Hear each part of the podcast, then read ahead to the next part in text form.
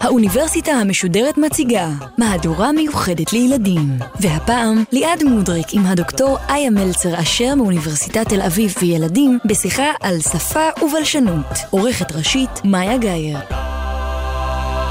ערב טוב לכם, אנחנו היום בתוכנית חגיגית ומיוחדת של האוניברסיטה המשודרת, אחת מארבע תוכניות שמשודרות כאן, והיא חגיגית כי היא חלק מחג הילדים בגלי צה"ל. לכבוד חג החנוכה אנחנו בסדרה ארוכה של תוכניות שמערבות ילדים ועוסקות בילדים, והיום לצידי ארבעה מגישים מוכשרים ביותר, שבאו לשאול שאלות קשות ומעניינות, ואיתי גם דוקטור איה מלצר אשר, אה, חוקרת בלשנית מהחוג לבלשנות וגם מבית הספר סגול למדעי המוח באוניברסיטת תל אביב, שאנחנו נשמע עוד הרבה על המחקר של היום, אבל קודם נגיד לה שלום. שלום. שלום. ואנחנו מדברים היום על uh, שפה, מנסים להבין מה המקור של שפה, מה המשמעות שלה, בכלל, למה אנחנו מתכוונים כשאנחנו uh, אומרים שפה, אבל לפני זה בואו נראה מי עוד כאן uh, הכוח שמסייע לי בשאלת השאלות. אז בואו תציגו את עצמכם, כל אחד שיגיד את השם, מאיפה הוא, בן כמה הוא, ומילה אהובה. אני נעמה ישראלי, מקיבוץ נחשון. אני בת 12, מילה אהובה, נראה לי מוזיקה. מעולה. אני אלה ישראלי, בת 12 מקיבוץ נחשון. אני מבינה מהדמיון בשם המשפחה ובמקום המגורים ובגיל, שיש ביניכם קשר משפחתי צמוד. כן, אנחנו תאומות. אוקיי. ומילה אהובה, אמ, אני אוהבת לקרוא ריקוד. יותם יזהר, בן 10. המילה האהובה לה היא ספרים. היא ספרים? או אה. כבשת את ליבי. ומאיפה אתה? אה, מכון ויצמן. מרחובות. מרחוב מכון ויצמן. מעולה. אמ, אני דריה שלם דוקטורי, בת 11 ממושב עזריה, ואני חושבת שהמילה האהובה עליי היא פשוט אה, אהבה. הגענו פה, אנחנו כבר עוד לא התחלנו את התוכנית וכולם כבר בקתרזיס מהמילים שבחרתם, שאם כבר אנחנו מדברים על קתרזיס, אז אנחנו מדברים על איזו התעלות רגשית כזאת. מה זה קתרזיס? הנה, אז בדיוק אני מסבירה. זה איזה מצב שאתה מרגיש שהכל טוב, ואתה בהתרוממות רוח כזאת. הנה, הסבר קצת אה, שמראה לנו כמה קשה לפעמים להסביר מילים, בטח כשהן מופשטות. ואם כבר אנחנו מדברים על מילים, אז למה לדעתכם בכלל צריך מילים, צריך שפה? כן. לדעתי צריך שפה קודם כל בשביל התקשורת בינינו. וגם ככל שיש לנו יותר שפה, אז ככה המחשבות שלנו יותר עשירות, עמוקות. כי יש לנו בעצם שפה שאנחנו יכולים לחשוב דרכה. כלומר, את אומרת לא רק כדי לתקשר בינינו, אלא גם לתקשר בתוכנו, כן, לחשוב לפתח את המחשבות שלנו. כן, לחשוב ולפרש את האירועים. לנתח אותם. יותם, יש לך רעיון? לא. כי זאת באמת שאלה מאוד קשה, ואולי, איה, את יכולה להסביר לנו?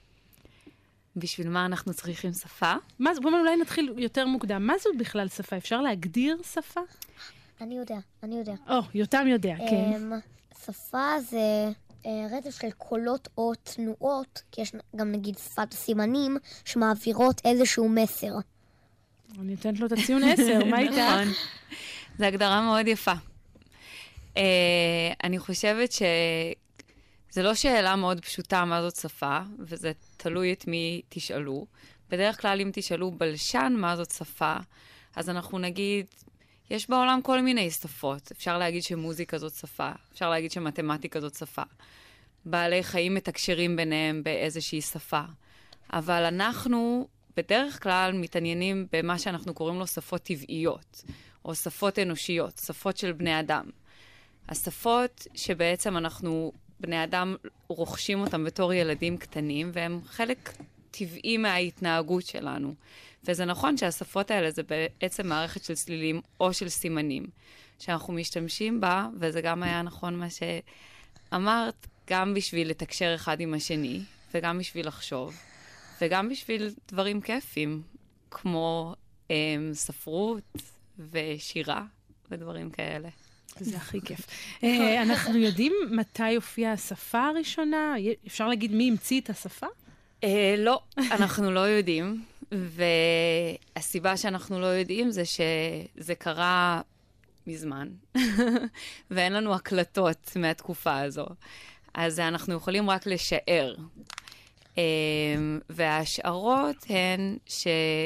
שפה אנושית כמו שאנחנו מכירים אותה, כמו השפות שלנו, עברית, אנגלית והשפות האלו, התחילה אמ, לפני כמה עשרות אלפי שנים, בין 50 ל-100 אלף שנים, משהו כזה. ובאמת, אין לנו עדות ישירה לזה, יש כל מיני השערות. הסיבה שחושבים ככה זה בעיקר כי רואים בתקופה הזאת, בממצאים ארכיאולוגיים, קפיצה טכנולוגית, רואים כלים יותר מתוחכמים, וחושבים שכנראה היה צורך בתקשורת מתוחכמת ובהעברת אינפורמציה מאדם לאדם כדי ליצור כאלה כלים מתוחכמים. שזה כבר מעניין, כי בעצם מה שאת אומרת לנו כאן זה שהדרך העקיפה, כי אין לנו דרך ישירה, ללמוד על שפה זה לראות את התוצרים שלה. והתוצרים שלה בהקשר הזה זו התפתחות, נגיד, טכנולוגית. כלומר, אנחנו כבר מבינים אה, תפקיד אחד של השפה. נכון. התפקיד של השפה לאפשר לנו לשתף פעולה, ליצור דברים חדשים. נכון. שלא היינו יכולים ליצור לבד. איך בכלל יוצרים שפה? לרוב רוב רוב האנשים אין הזדמנות ליצור שפה. אנחנו נולדים לתוך איזושהי שפה, או כמה שפות, שהן בסביבה שלנו, ואותם אנחנו לומדים, ואנחנו לפעמים משנים קצת דברים בשפה, נגיד ממציאים מילים חדשות, אה, או ביטויים חדשים, אבל לא ממש ממציאים שפה. ואנחנו כן אבל... כן יכולים אולי לדבר על התפתחות של שפה, נכון? נגיד השפה העברית, אנחנו רואים אותה מתפתחת, משתנה נכון. כל הזמן. אני עצמי כבר מרגישה שיש מילים שאני לא יודעת בכלל מאיפה הן אה, הגיעו.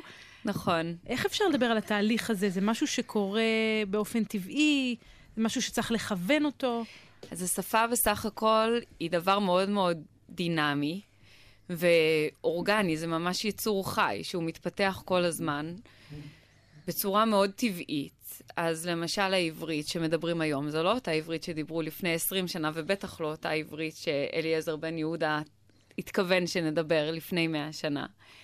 והשפה משתנה הרבה פעמים בגלל השפעות של שפות אחרות. למשל, עברית היום מאוד מאוד מושפעת מאנגלית, גם במילים, אבל גם בכל מיני מבנים שנכנסים לעברית. כמו למשל, נגיד, אה, את שומעת הרבה עושה שכל, שזה נכון. תרגום של make sense, נכון. או לקחת תמונה, שזה take a picture, לזה את מתכוונת. כן. שאנחנו מתרגמים בעצם את מה שאנחנו רגילים לשמוע משפות נכון. אחרות. כן.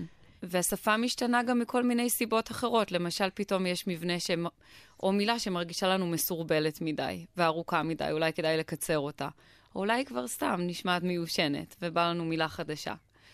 ובסך הכל אני חושבת שאי אפשר לכוון את ההתפתחות של השפה. Uh, השפה פשוט הולכת לאן שהיא רוצה. יש גופים כמעט בכל ארץ שמנסים מאוד להחליט איך השפה צריכה להיראות. נגיד למשל, אקדמיה ללשון העברית. בארץ, האקדמיה כן. ללשון העברית. אולי אקדמיה, צריך לומר. כן. אבל בסך הכל האקדמיה קובעת כל מיני חוקים, ואנחנו די מתעלמים מהם. אז הרבה מאוד אנשים אומרים שלוש ילדים במקום שלושה ילדים. ואין הרבה מה לעשות בקשר לא, לזה. לא, יש מה לעשות, יש. אנחנו נלחמים מלחמת חורמה כדי שכל הילדים יאמרו שלושה שקלים ולא שלוש, שלוש שקל, נגיד. uh, אנחנו עוד מעט נשמע עוד שאלות, אבל אני רוצה בכל זאת uh, לשאול אותך, זו שאלה שבטח אין לה תשובה, אבל יש לנו דרך לדעת איזו מילה חדשה תתפוס, או להסביר, נגיד, למה פתאום אנשים יתחילו להגיד uh, מילים מסוימות ולא אחרות? אני חושבת שיש כנראה... כמה גורמים שמשפיעים על זה. חלק מהגורמים זה גורמים שהצליחו לזהות. למשל, יש מילים באנגלית שבעברית הן נשמעות מאוד טוב. למשל, באנגלית יש את המילה קליק, to click, ללחוץ, mm-hmm. ובעברית היא נכנסה מאוד טוב לבניין שיש לנו בעברית, בניין הפעיל. אז אנחנו אומרים מקליק, וזה נשמע, זה, זה מתאים בדיוק במקרה, ככה זה יצא. אז זו מילה שתפסה נורא טוב. למשל, אמ, אנחנו לא אומרים קילק, אוקיי? או התקלק. אנחנו אומרים מקליק. אז אני חושבת שיש גם גורמים כאלה, שקשורים לצליל של המילה. אז כל אחד מאיתנו גם קצת חדשן של שפה, ולא רק צרכן של שפה, נכון? מאוד, מאוד. יש לכם כן. ילדים מילים שאתם נגיד משתמשים בהן, שהן אולי לא ממש מילים, או מילים אה, שהמבוגרים, ההורים, לא מבינים כשאתם אומרים אותן? יש דוגמאות כאלה? הנה, ליותם יש אחת. אמ, האמת היא שזה של אח שלי. כן. אמ, בן כמה הוא? אה, הוא בן שמונה, אבל הוא עדיין משתמש במילים שהוא המציא כשהוא היה בגיל שלוש. נגיד, אה, הוא עדיין משתמש במילה בואש, שזה מאוד מאוד חם. הוא אומר את זה. שזה כמו בוער ואש? כן. משהו כזה? כן, מזל שיש לנו בלשנית פה. הדוגמה של המשפט שהוא אמר זה, לא אכלתי את הדייסה שלי בגלל שהיא הייתה בואשת. מעולה. יש לכם עוד דוגמאות? לי יצא לעשות אה, בייביסיטר לבן דוד שלי, ונתתי לו לאכול, ואז הוא ביקש ממני צימוקיות. מה זה צימוקיות? אז זהו. בהתחלה לא ידעתי מה לעשות עם זה, זה נשמע מוזר, ואין באמת, יש צימוקים. יש חמוציות. נכון. ואז הוא לקח אותי למקרר. הוא הראה לי שהוא רוצה חמוציות, אז שאלתי אותו, תגיד לי, למה, אתה, למה קוראים לזה חמוציות? כי זה נראה לו כמו צימוק. ואני חושבת שלילדים קטנים זה יותר קורה, כי אין להם גם את ההיגיון של המילים. אז הם מערבבים הכל. אז ביחד. אולי מעניין, אולי דווקא דרך הילדים אפשר ללמוד על היגיון שאנחנו פחות מכירים.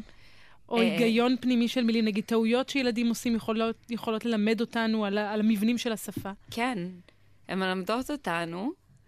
Um, קודם כל, אני חושבת שדווקא הרבה מהטעויות שילדים עושים זה דווקא כי יש להם הרבה היגיון, והם מבינים את החוקים של השפה, לפעמים לא יותר מאיתנו, אבל למשל ילדים קטנים, הם רואים ביצה אחת, אז הם אומרים הרבה, ביצות.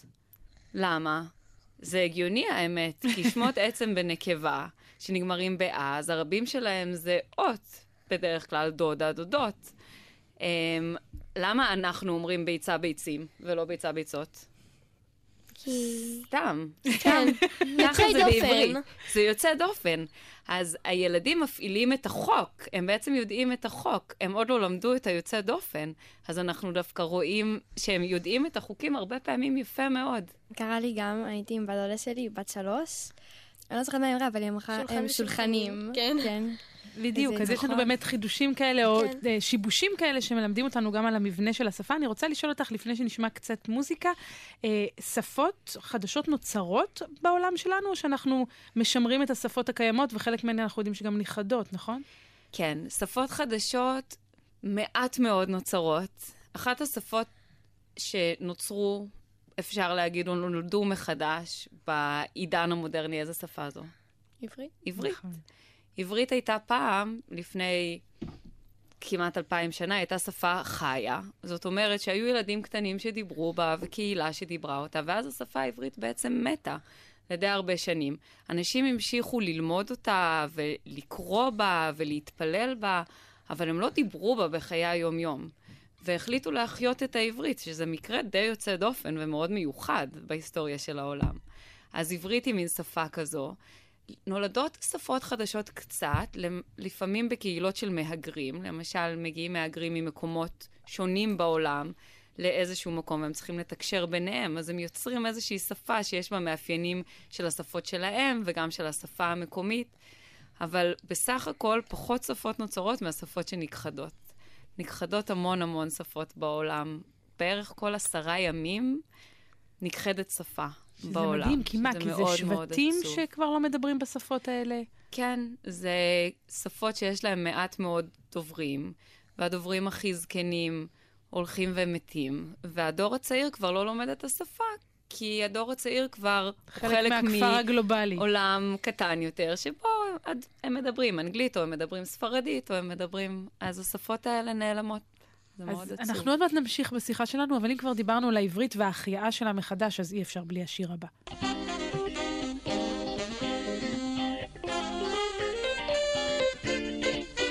כמו הנביאים הקנאים לשם,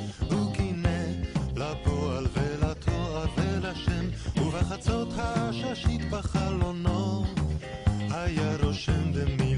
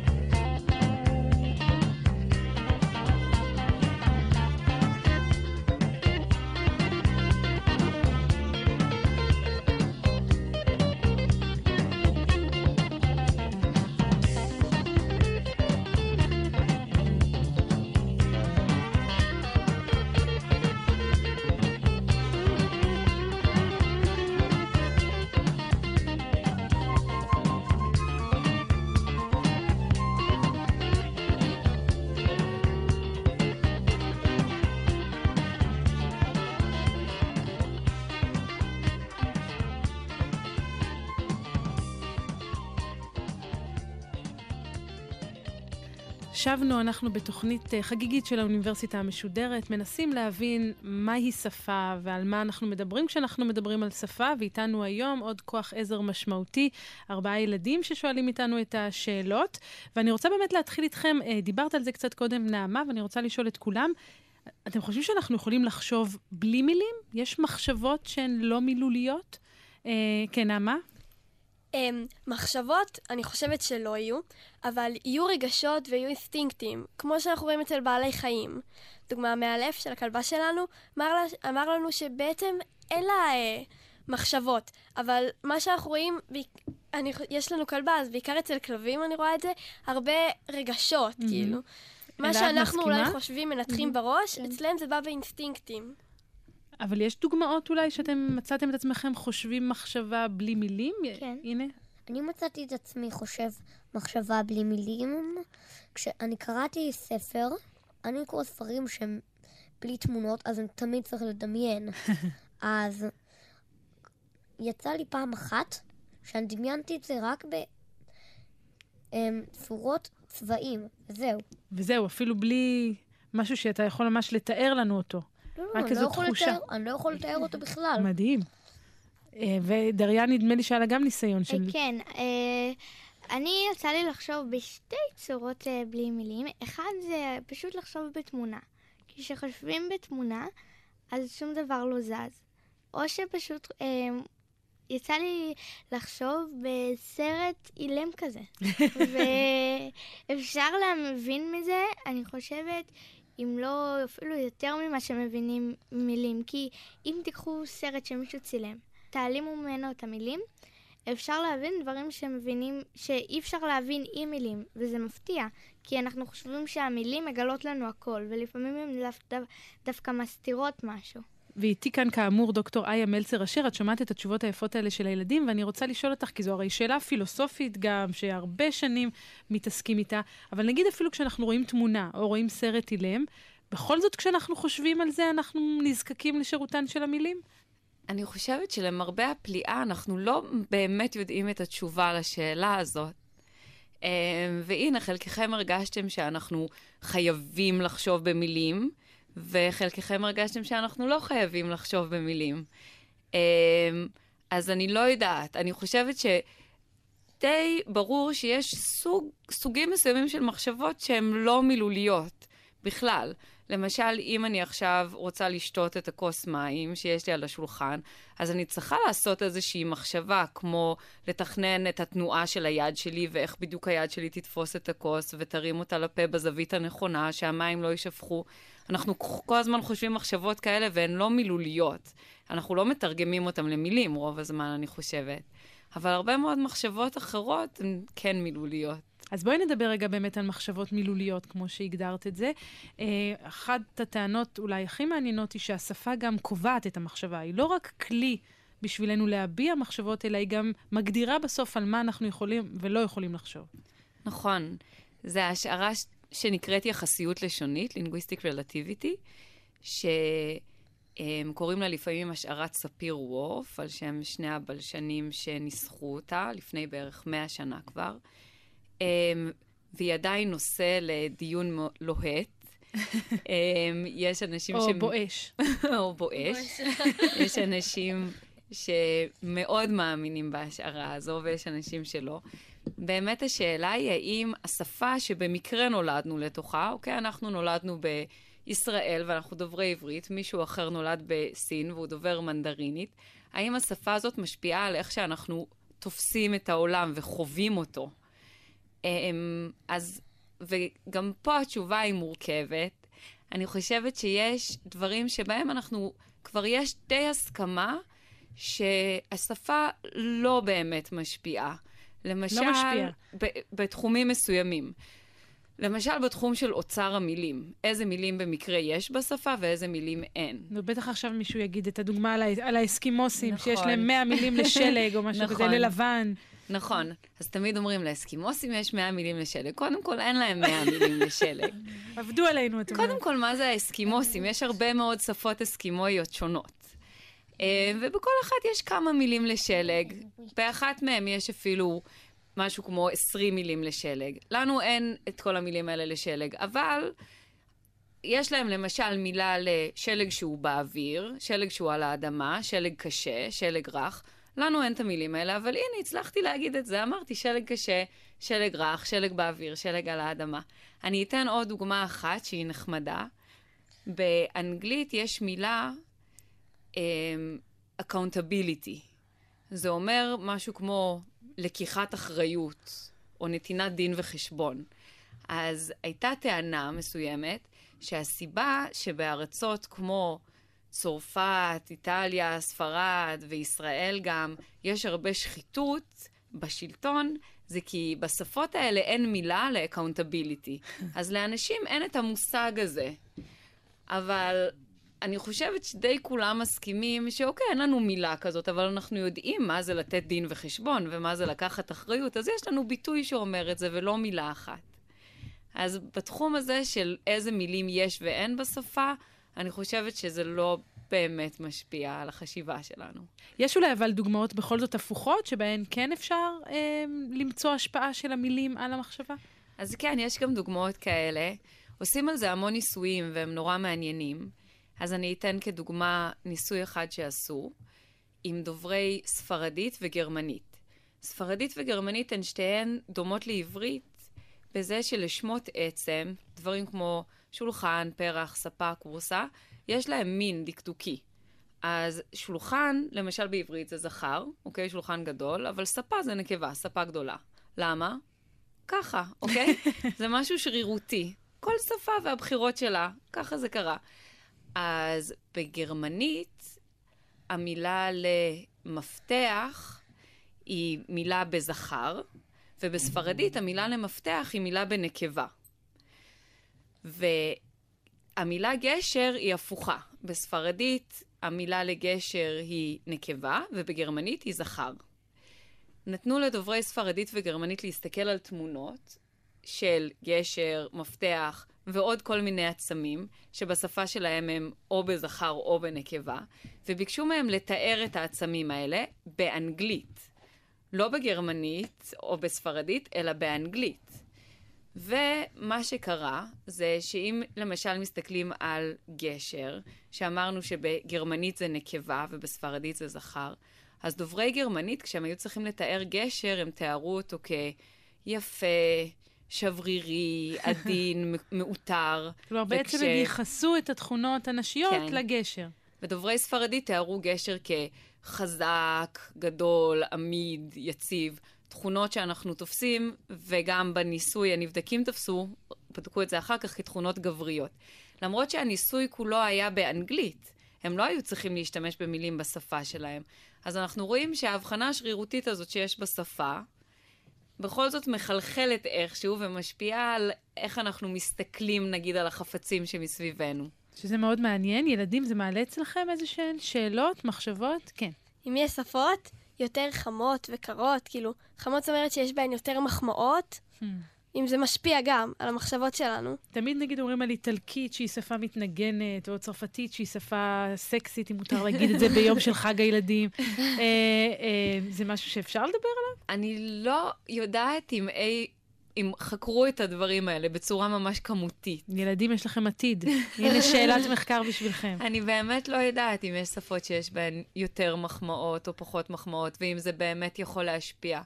אבל זה, זה מאוד רלוונטי לבעצם נושא מאוד מעניין וקשור, שהוא הנושא של מה שנקרא פוליטיקלי קורקט. אתם יודעים מה זה פוליטיקלי קורקט? האמת שלא. פוליטיקלי קורקט זה שצריך לדבר במונחים לא פוגעניים. לא מעליבים. כשאנחנו מדברים על אנשים. ובעצם מה הרעיון? הרעיון הוא שאם נדבר בשפה נקייה, כזו לא נגיד מילים פוגעניות, אז גם לא נחשוב מחשבות פוגעניות. זה בעצם הרעיון מאחורי פוליטיקלי קורקט, שזה יגרום לאיזשהו מצב של יותר שוויון. אה, וגם על זה הדעות חלוקות, אם זה פועל או לא פועל. דריה, שאלה שלך. אה, כן, רציתי לשאול אם, אה, אם יהיו המון המון מילים, האם נגיע למצב שמרוב כל מילה חדשה נזכור אותה ונזכור עוד מילה ועוד מילה, פשוט יציפו אותנו במילים עד שכבר לא נזכור שום מילה?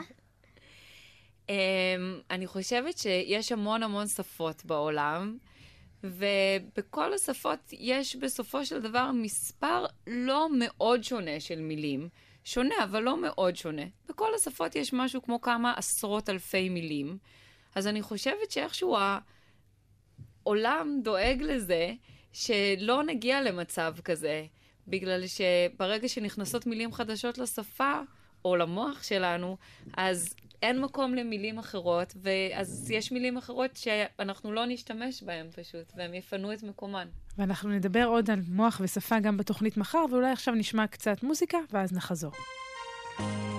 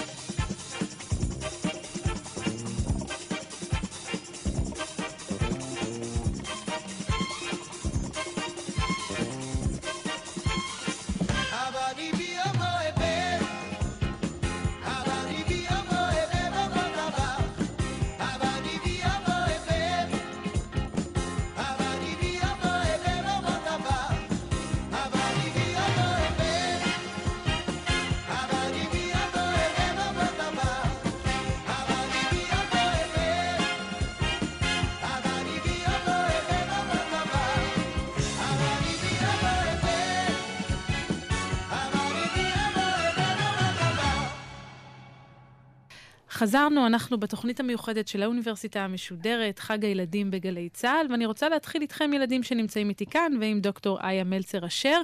לו אתם הייתם בלשנים, אם הייתם חוקרי שפה, מה הייתם חוקרים? מה הייתם רוצים לשאול? מה זו בכלל שפה? אני הייתי חוקר מה, איך נוצרות שפה. איך נוצרות שפות שונות? ומה זו בכלל שפה, נעמה? אני, אני חושבת שהייתי חוקרת את האזור במוח שאחראי על השפה. ועל זה אנחנו נדבר מחר בהרחבה, אלא אני הייתי חוקרת את הסלנג, את הסלנג. כשהוא חלק מהשפה. ודריה, גם לך יש שאלת מחקר?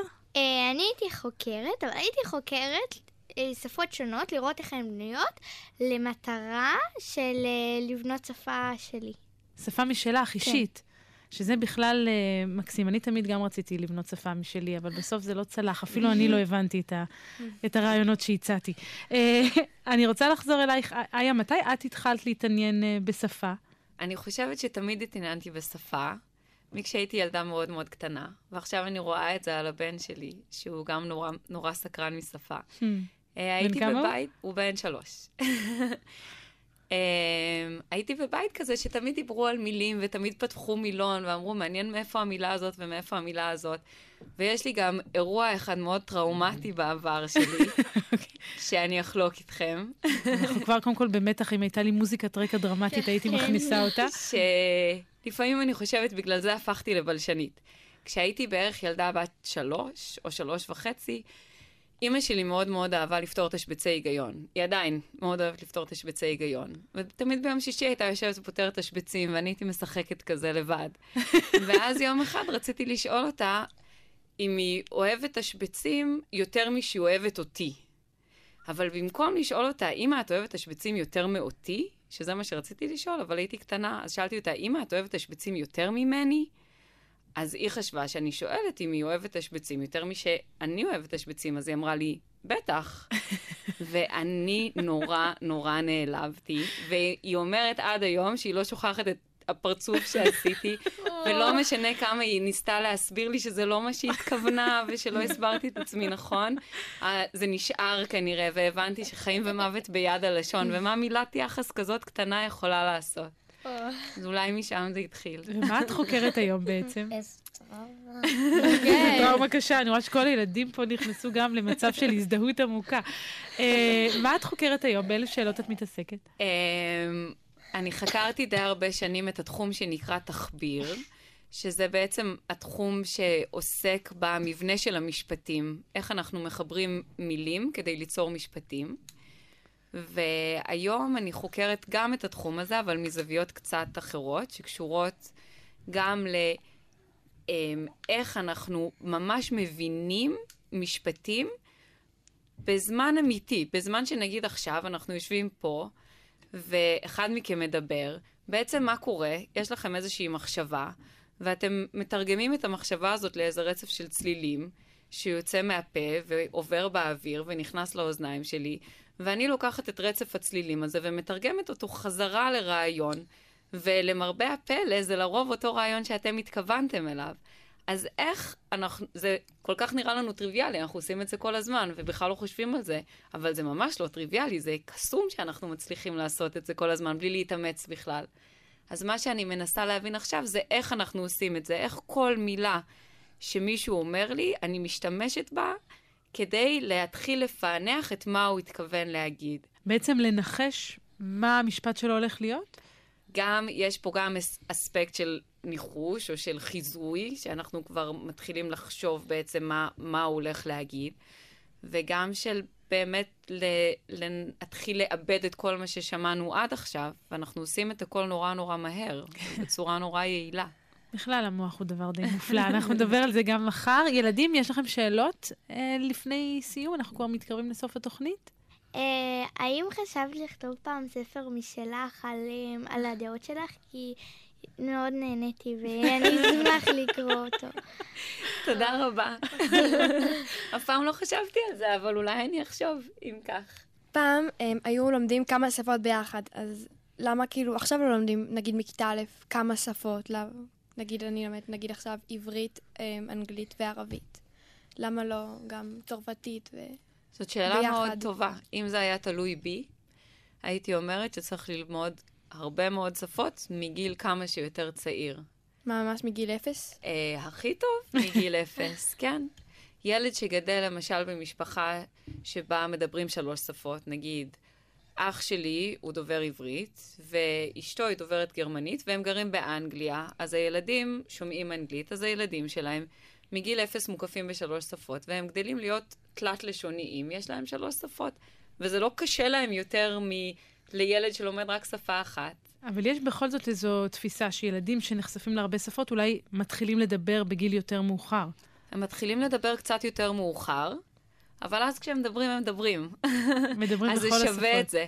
זאת אומרת, זה יכול טיפה להיות מלחיץ בשביל ההורה, כי הוא אומר, נו, מה קורה? כל הילדים כבר מדברים, והילד שלי עדיין לא, אבל פתאום הילד יתחיל לדבר מאוחר, בגיל שנתיים וחצי, אבל ידבר בשלוש שפות. אז זה שווה את זה. אם מלמדים ילד, נגיד, כמה שפות, איך, איך בודקים שהוא לא יתבלבל בין השפות, שלא... כי תינ... אנחנו בתור תינוקות, דיברנו על זה מקודם, אנחנו מחפשים את ההיגיון שבכל מילה, ולפי זה אנחנו בונים את השפה. ולכל שפה בעצם יש את ההיגיון אחר, היגיון שונה. אז אה, איך מסבירים את זה לילד? וגם אמרנו מגיל אפס, אז נכון. זה, זה באמת נשמע כמו משימה בלתי אפשרית. ובכל זאת ילדים מצליחים בה. אז אני חושבת, חוקרים את זה הרבה, האמת. אחד הדברים שעוזרים יחסית לילדים במטלה הזו, זה אם זה באמת סיטואציה כמו נגיד שתיארתי של אח שלי, שעם אבא מדברים עברית, ועם אימא מדברים גרמנית, ובגן מדברים אנגלית, אז זה מאוד עוזר לילד. אבל גם אם זה לא המצב, הילד בסופו של דבר ייקח לו קצת יותר זמן, אבל ידע איזה מילה ואיזה מבנה שייך לאיזה שפה. אבל, למרות שהוא ידע את זה, הוא יכול לפעמים להתבלבל, ולא רק ילדים, גם מבוגרים שהם רב-לשוניים, שיש להם יותר משפה אחת, יכולים פתאום להגיד משפט, ובאמצע המשפט לעבור לשפה השנייה שלהם.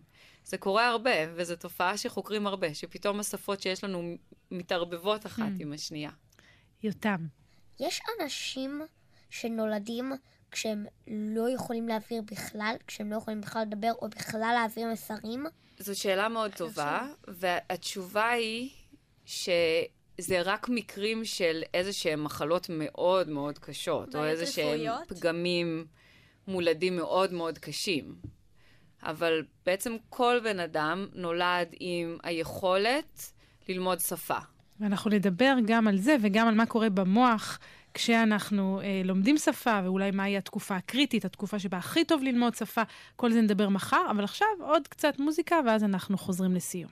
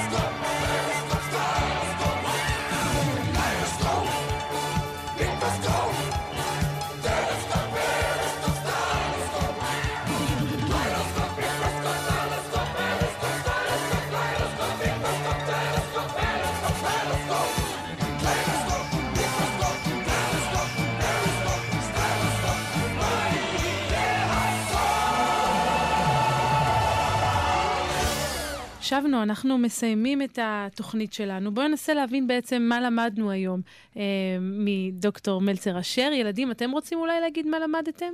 הנה, יותם, אני רואה ממש משתוקק. אמ, אני למדתי בעיקר על, אה, על איך אה, נוצרות שפות ועל איך אה, משתמשים אה, ואיך בכלל אה, מדברים, ואם יש אנשים שלא יכולים להעביר מסרים. אני למדתי על ההשפעה של השפה, על המחשבות שלנו ו... ועל מה שבא אחר כך, על התגובות שלנו. ו... אני למדתי יותר על החשיבות של השפה בימים שלנו, ואני יכולה לשאול עוד משהו? לסיום ממש. לסיום, למה מהשפה לא מורידים את המילים הלא יפות, את הקללות? שאלה מעולה, איך אנחנו הסלנג משפיע על. השפה? אני חושבת שמדי פעם מנסים לעשות את זה, ואז צצות מילים לא יפות חדשות. יכול להיות שזה איזה צורך טבעי שלנו מאיתנו. לפעמים לדבר גם במילים לא יפות. טוב, אנחנו מסיימים. אני רוצה מאוד להודות לכם על השאלות הנפלאות שלכם, ולך, דוקטור איה מלצר אשר, על ההרצאה הבאמת מאלפת.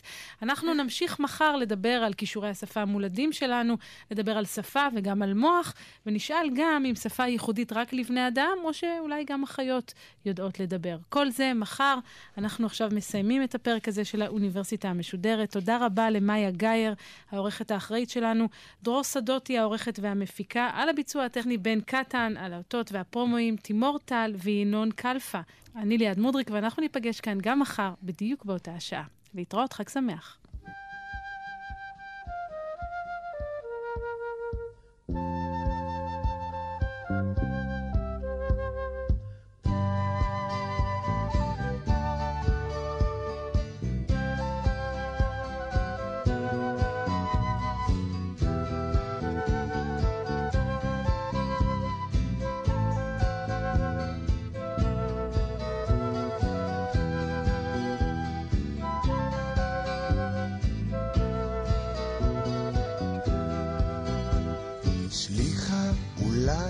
שעון, כמה שעה רוצה?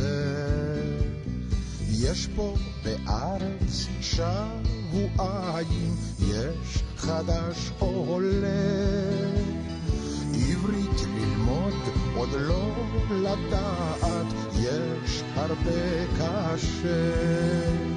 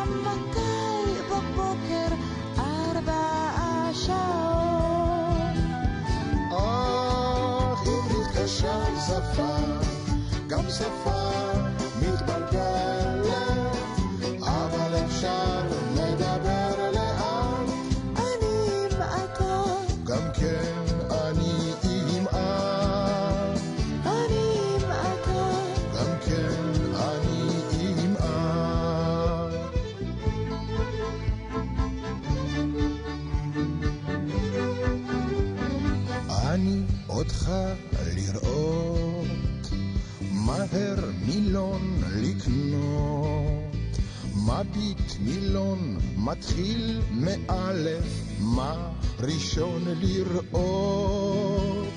אוהב, אהוב, אהב, אוהבת מילים יפה מאוד. יש גברת, לא בכלל, יש איש יש אף אחד, הרבה קשה למסתדר פה בין אדם לבד.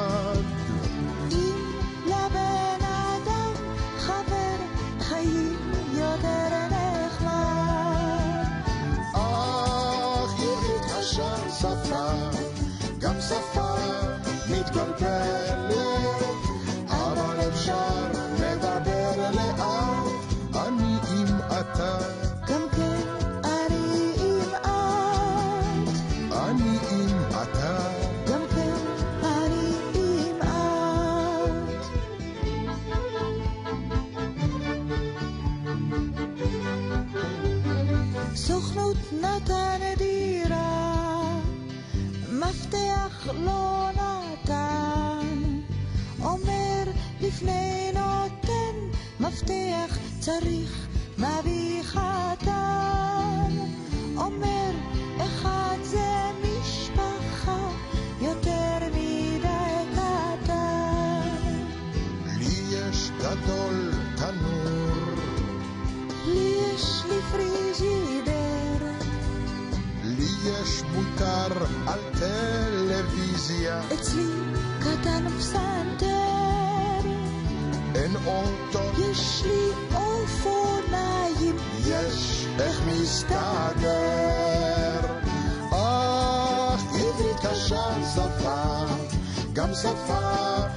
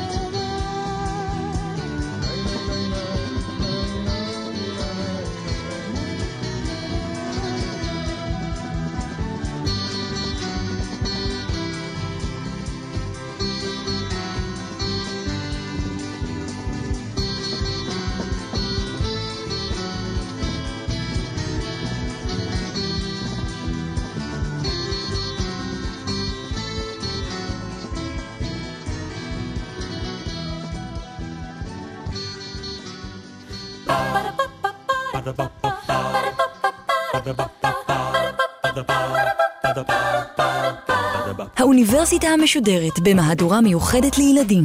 ליעד מודריק, הדוקטור איה מלצר אשר מאוניברסיטת תל אביב וילדים, שוחחו על שפה ובלשנות. עורכת ומפיקה, דרור שדות. מנהלת תוכן, מאיה להט קרמן. האוניברסיטה המשודרת, בכל זמן שתרצו, באתר וביישומון של גל"צ, וגם בדף הפייסבוק של האוניברסיטה המשודרת.